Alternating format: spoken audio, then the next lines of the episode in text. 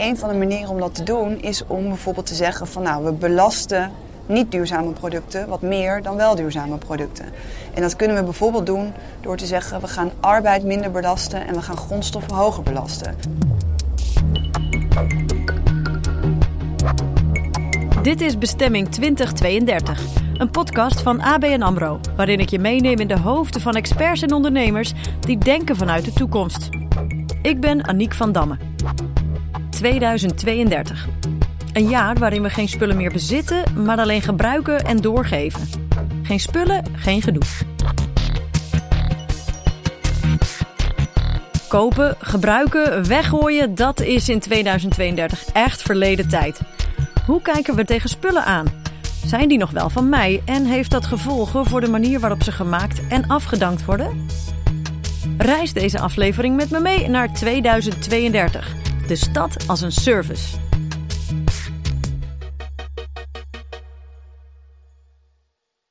Voordat we naar de bekendste winkelstraat van Nederland gaan, halen we Nadia Menkveld op. Zij is sectoreconoom en onderzocht de transitie naar een circulaire economie. We hebben Earth Overshoot Day. En daarin wordt berekend op welke dag we in het jaar eigenlijk al door onze grondstoffen van dat jaar heen zijn. dus hoeveel gebruiken we in een jaar, wat de aarde ook daadwerkelijk weer in een jaar kan aanmaken. En in Nederland zijn we al door onze grondstoffen heen op 3 eh, mei. Met ons ziekelijke consumptiegedrag trekken we de aarde leeg. Het roer moet radicaal om. Om het leegroven van onze planeet te stoppen is volgens Nadia een circulaire economie dé oplossing. Een economisch systeem dat er uiteindelijk op gericht is om zo min mogelijk grondstoffen uit de aarde te halen. Zullen we ons in 2032 afvragen: de consumptiemaatschappij, wat was dat ook alweer? De manier waarop wij consumeren, dus dat we best wel veel kopen en vervolgens weer weggooien, dat dat niet houdbaar is. In de toekomst zullen we dat veel minder hebben. Dus dan ben je misschien wat meer geld kwijt aan je voedsel of aan de spullen zeg maar, die je bezit. Of niet bezit, of die je gebruikt eigenlijk. Maar dat zijn dan ook spullen die gewoon langer meegaan. Hè? Of die weer terugkomen in de economie, die weer gerecycled worden. En daar krijgen we dan misschien wat anders voor terug dan bezit. Uh, namelijk gewoon een beter milieu en een betere leefbaarheid eigenlijk van onze aarde. Laten we samen door mijn stad lopen in 2032. Of beter gezegd, onze stad. Want ik bezit niets meer. Ik heb geen auto, maar gebruik wel transport. Ik heb geen wasmachine, maar wel schone was. Ik bezit geen kleding of interieur. Alle producten die je kunt bedenken zijn tegen die tijd in het dienst gegoten, voorspelt het World Economic Forum. Neem nou mijn meubilair. Het maakt mij niet uit of dat bankstel van mij is. Ik wil gewoon fijn wonen. Waarom zou ik krom liggen voor een bank en daar ook de volgende tien jaar tegenaan moeten kijken? Die huur ik dus gewoon. Nancy Bokke is hoogleraar Sustainable Business aan de Maastricht University en onderzoekt met welke strategieën we naar de circulaire economie kunnen. In de circulaire economie kunnen we vier um, strategieën onderscheiden. Dat is slowing, closing en narrowing en regenerating. De slowing gaat eigenlijk over productlevensduur verlengen. Dus het product blijft zo lang mogelijk een nuttig product door bijvoorbeeld upgrades, onderhoud, reparaties, etc. Maar het gaat ook om consuminderen. Dus het bewuster omgaan met nieuwe aankopen en waar mogelijk bijvoorbeeld tweedehands aankopen doen. En de tweede is closing the loop. En daar denken mensen vaak aan bij de circulaire economie. Dus dat gaat over het sluiten van de ketens of recycling eigenlijk. Dus het langdurig gebruik en hergebruik van materialen.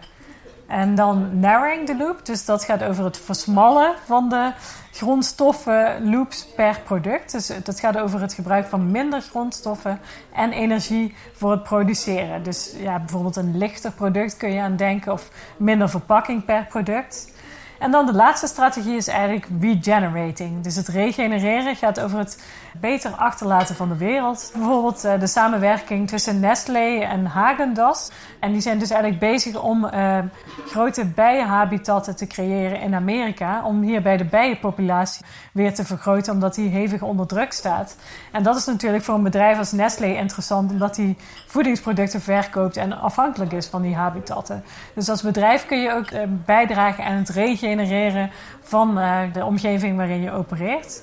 Dus deze vier strategieën zijn heel belangrijk in de circulaire economie: slowing, closing, narrowing en regenerating loops. Alleen als je als ondernemer er nu al mee aan de slag gaat, kun je er in 2032 als winnaar uitkomen. Leuk die strategieën, Nancy, maar welk verdienmodel valt daaruit te halen? Nou, het belangrijkste waar uh, mensen nu naar kijken is of je in plaats van een product een service kan verkopen. Denk bijvoorbeeld aan een subscriptiemodel of een lease-model. En daarbij blijft het product de eigenaar van ja, de verkopende partij. En die blijft dus daardoor ook verantwoordelijk voor de levensduur. En als het goed is opgezet, en daarvoor zijn de incentives er eigenlijk ook, zul je ook zien dat de producten langer meegaan. Iemand wiens onderneming al helemaal gericht is op de circulaire economie is Emily Gray, oprichter en creative director van Gray Label. Zij is een van de pioniers op dit gebied. Begin 2018 stond ik in de kroeg met iemand te praten en die noemde het woord circulair. En ik ben erop doorgegaan die avond. En dit triggerde zoiets in mij dat ik dacht van... dit zou wel eens het antwoord kunnen zijn op waar we naartoe moeten gaan qua consumptie. En als ik om kijk hoe zou ik het kunnen integreren in Grey Label... in de kledingindustrie, wat een van de grootste vervuilers is van de wereld... moest ik op zoek naar een model waardoor er minder werd weggegooid. Grey Label is een kinderkledingmerk van 0 tot 10 jaar... We zijn onlangs Grey Label Rented gestart. Een abonnementservice voor de kleren 0 tot 2 jaar. Je betaalt een maandelijks bedrag voor een pakketje kleding. En zodra je kindje uit is gegroeid, wordt het teruggestuurd en krijg je de nieuwe maat toegestuurd. Kleding lenen of huren? Het lijkt mij heerlijk om om de paar maanden de inhoud van mijn kledingkast te vervangen. Wat zeg ik? Om de week? Ik wissel mijn kleding wanneer ik wil. Eén mega kledingkast voor de hele stad. En dat huurconcept kan voor bijna alles gelden. Bouwmaterialen, vervoersmiddelen of apparatuur waar je mee werkt. Een smartphone, laptop of mijn actioncam die ik na een week skivakantie in de kast liet liggen. Dat is precies wat het Duitse bedrijf Grover aanbiedt sinds oktober. De enige hardware-as-a-service aanbieder ter wereld die zich met name richt op consumenten. CFO Thomas Antonioli schetst het grote voordeel voor zijn klanten. You pay a lower price while you keep the flexibility. So versus a loan, you pay a lower price, but you don't have flexibility. If you buy, you have all the flexibility to do what you want with the product, but you have to pay all the money.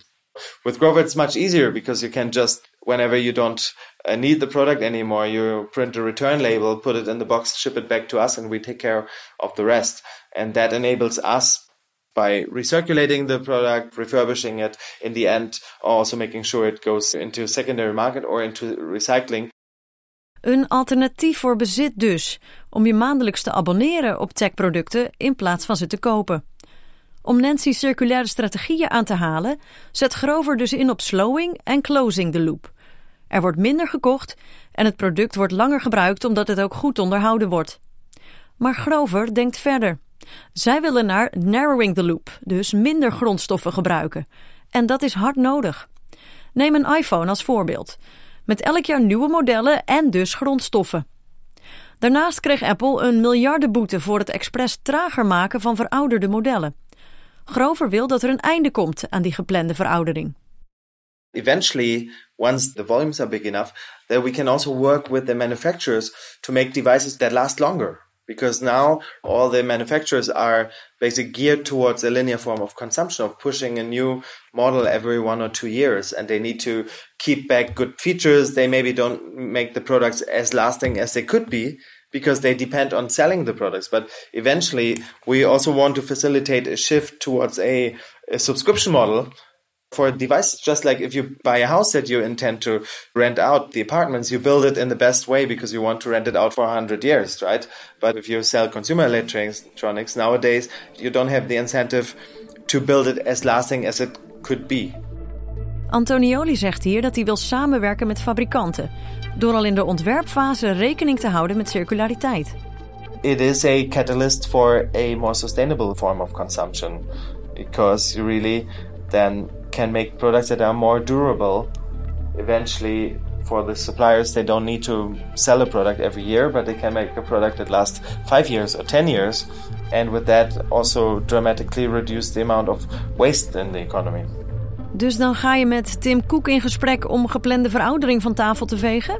The ambition is obviously yes to be not focused on a particular brand but to eventually have that influence and we're already working with several of the smaller brands and developing devices that are only for rental who are also more open to trying something new in a way Grover moet dus samenwerken met andere fabrikanten om hiermee aan de slag te gaan. En dat is het grote verschil tussen Grover en Grey Label. Emily maakt haar eigen producten. Ik had als voordeel dat ik hoefde niks te veranderen aan mijn productie. Ik hoefde niks te veranderen aan mijn collectie. Het was mijn eigen kleding wat ik al tien jaar lang op een bepaalde wijze produceerde. Eh, dus ik kon daar heel erg goed op voortbeduren. Als je een abonnementservice begint met apparatuur, of met, dan is het een enorme investering om die eerst aan te schaffen. Uh, en dan moet je een lange adem hebben om het rendabel te krijgen. De entrepreneurs zijn uit de startblokken vertrokken, maar Nadia Menkveld, onze sector-econoom, vindt dat ook de multinationals aan de bak moeten. Wat heel erg kan helpen zeg maar, aan die shift naar een circulaire economie, is als ook de echte grote bedrijven overstappen. En heel veel grote bedrijven zijn er zeker ook al naar aan het kijken. Kledingbedrijven zijn al aan het kijken hoe kunnen we zeg maar, kleding weer circulair maken. En IKEA is bijvoorbeeld aan het kijken, kunnen we ook naar as a service toe. Dus juist die grote bedrijven, die kunnen ook echt helpen om die uh, versnelling te maken. En ik weet dat dat niet altijd makkelijk is. Maar ik ben ook heel erg benieuwd wat daar nou de grootste obstakels zijn. Laat dat nou net het onderzoeksgebied zijn van Nancy Bokken. Dit jaar is ze gestart met Circular X, een onderzoek naar experimenten met duurzame verdienmodellen. Het grootste en belangrijkste is dat ze niet een overnight change kunnen doen. Ze kunnen niet van de een op de andere dag circulair worden. Dus vaak begint het met een ambitie en met het beginnen van ja, het challengen van je huidige businessmodel. Dus je gaat stukjes daarvan aanpassen en langzaam wordt het dus een groter circulair model. Dus je ziet bijvoorbeeld dat ze beginnen met één productcategorie en zeggen van oké, hier gaan we testen of dit circulair kan worden. En dan begin je de transitie binnen het hele bedrijf. En je ziet dat daarvoor nieuwe competenties nodig zijn. Misschien moet je zelfs nieuwe klantengroepen aanboren ook. En je ziet ook dat er bepaalde dingen van logistiek ook bij moeten komen wel. Want stel je voor dat je het product nu als een service aanbiedt dan komt het uiteindelijk ook weer naar je terug. Dat is, uh, ja, bedrijven zijn er nog niet altijd voor opgezet. Dus het betekent een hele verandering in uh, hoe je klanten benadert. Ook hoe je de financiën doet. Want uh, als je normaal gezien een product verkoopt, krijg je in één keer je geld. Als je bijvoorbeeld een subscription of een lease hebt, dan duurt het wat langer voordat je het product hebt terugverdiend. Dus er zijn best wel veel aspecten van de bedrijfsvoering die veranderen. En vandaar dat het ook vaker zo gebeurt, vooral in een groot bedrijf, is dat ze met een bepaalde productcategorie beginnen en het daarna verder gaan uitrollen. Ook een van de grootste modeketens ter wereld, H&M, zet in op een andere bedrijfsvoering. Eerst waren ze misschien meer uh, aan het kijken naar de recyclingtechnologieën en dat doen ze nog steeds wel. Maar nu zijn ze zelfs aan het kijken van kunnen we tweedehands gaan verkopen in onze winkels. En dan hebben ze bijvoorbeeld in Stockholm in een van hun flagship, een van hun belangrijkste winkels, hebben ze dus tweedehands producten verkocht. En daar zijn ze nog steeds mee bezig om te kijken van is dat een nieuwe propositie die we kunnen gaan aanboren. En dat is natuurlijk best wel radicaal voor een productverkopend bedrijf. Oké, wacht. We hebben het wel over H&M, het boegbeeld van fast fashion. Het voorbeeld van onze doorgeschoten consumptiemaatschappij die zo'n existentiële omzwaai wil? Ja, en dat is, kan ook directe kritiek zijn. Want heel veel bedrijven zeggen nu ook van we willen decoupling. Dus we willen economische groei lostrekken van onze milieu-impact. Maar decoupling, dat kun je bijna alleen haast doen als je ook op het consuminderen inzet. Moeten we nog wel zoveel producten verkopen? Hebben we wel zoveel nodig? En daarom zijn die dingen als geef een product een tweede of derde leven. En consuminderen, maar misschien met een hogere prijs. Of servicemodellen, dat zijn misschien wel de toekomstige businessmodellen. Van H&M is het een klein bruggetje naar de Kalverstraat in Amsterdam. De drukste winkelstraat van Nederland. Als je daar nu doorheen loopt, dan zie je de grote ketens schreeuwen: koop mijn product. Als ik met jou in 2032 door de Kalverstraat zou lopen, wat zien we dan? Dus ik denk dat je steeds meer gaat zien dat er een ervaring wordt aangeboden. Bijvoorbeeld het uitproberen van een product. En dat je dat in die winkel kan doen. Maar dan tegelijkertijd dat je bijvoorbeeld een subscriptie aangaat. In plaats van dat je het product direct koopt. Dus het gaat meer om de ervaring dan het kopen van het product. Dus ja, je ziet misschien nog wel merken, maar meer misschien experience of ervaringswinkels dan echt productverkoopwinkels. Stel, in 2032 wil ik nieuwe VR-lenzen om mee te werken.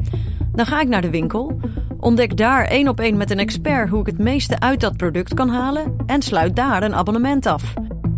Je hoeft hier trouwens niet tot 2032 mee te wachten. Grover biedt het nu al aan.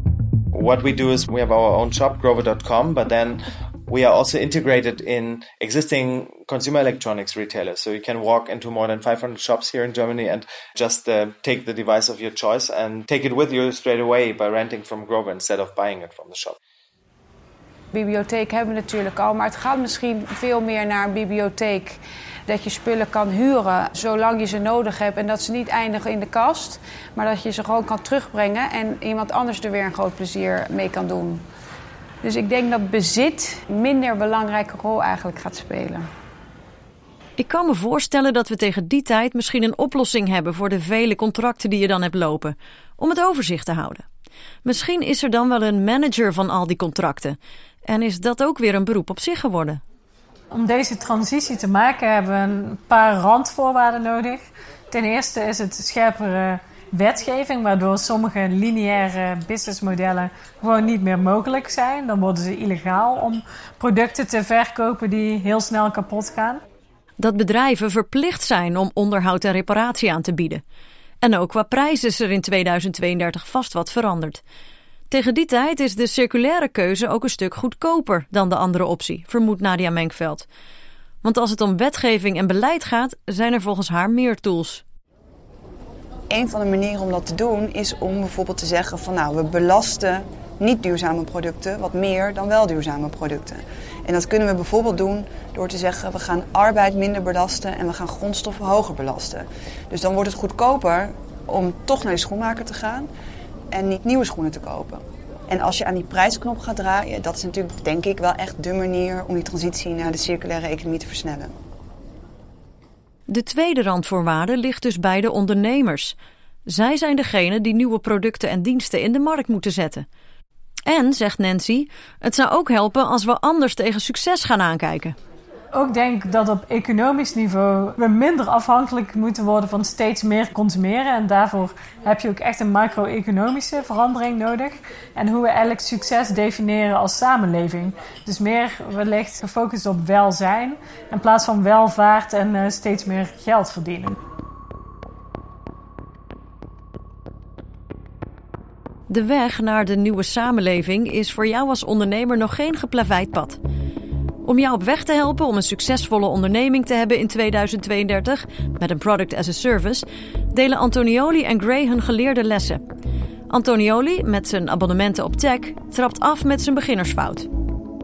do the demand planning as good as you can. For example, the first generation of VR headset came out and the demand for them was very large and we bought a big number of them. But then like 6 months later the new generation came out which was twice as good and at half the price.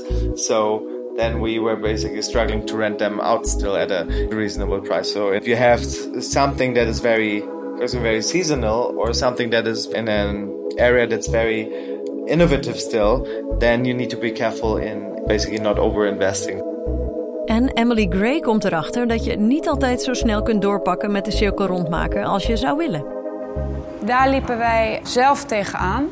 Ook zowel met Grey Label als Grey Label Rented is je wil zo graag met kleding die afgeschreven wordt iets doen. En dan is het recyclen een hele mooie gedachte. Maar tegenwoordig is het recyclen nog niet mogelijk met kleine batches. Recyclen gaat met duizenden kledingstukken.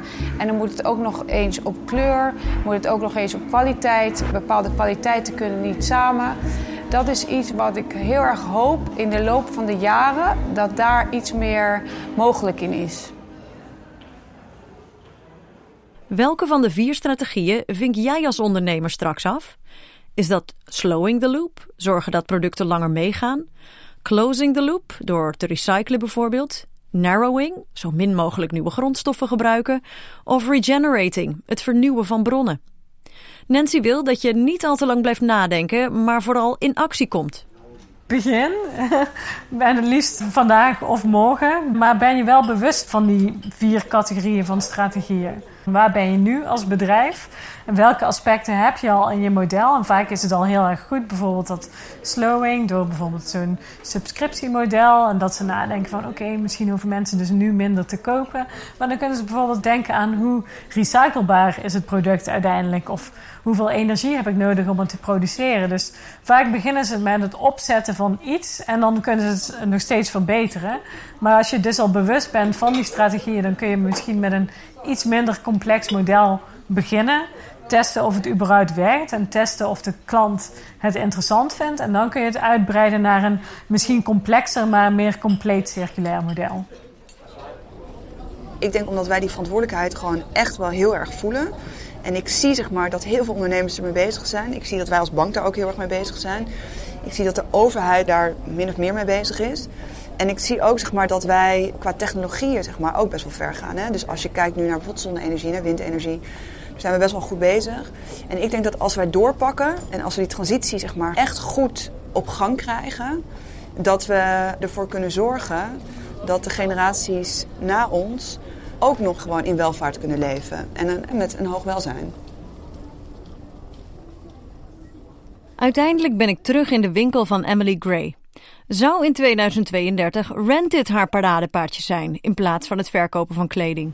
Zeker, daar hoop ik uiteindelijk wel heel graag uh, naartoe te werken. Want dan is de cirkel rond en dan is mijn missie geslaagd om met wat ik heb opgezet een steentje bij te dragen aan de toekomst. En om een iets mooiere wereld achter te laten voor onze kinderen.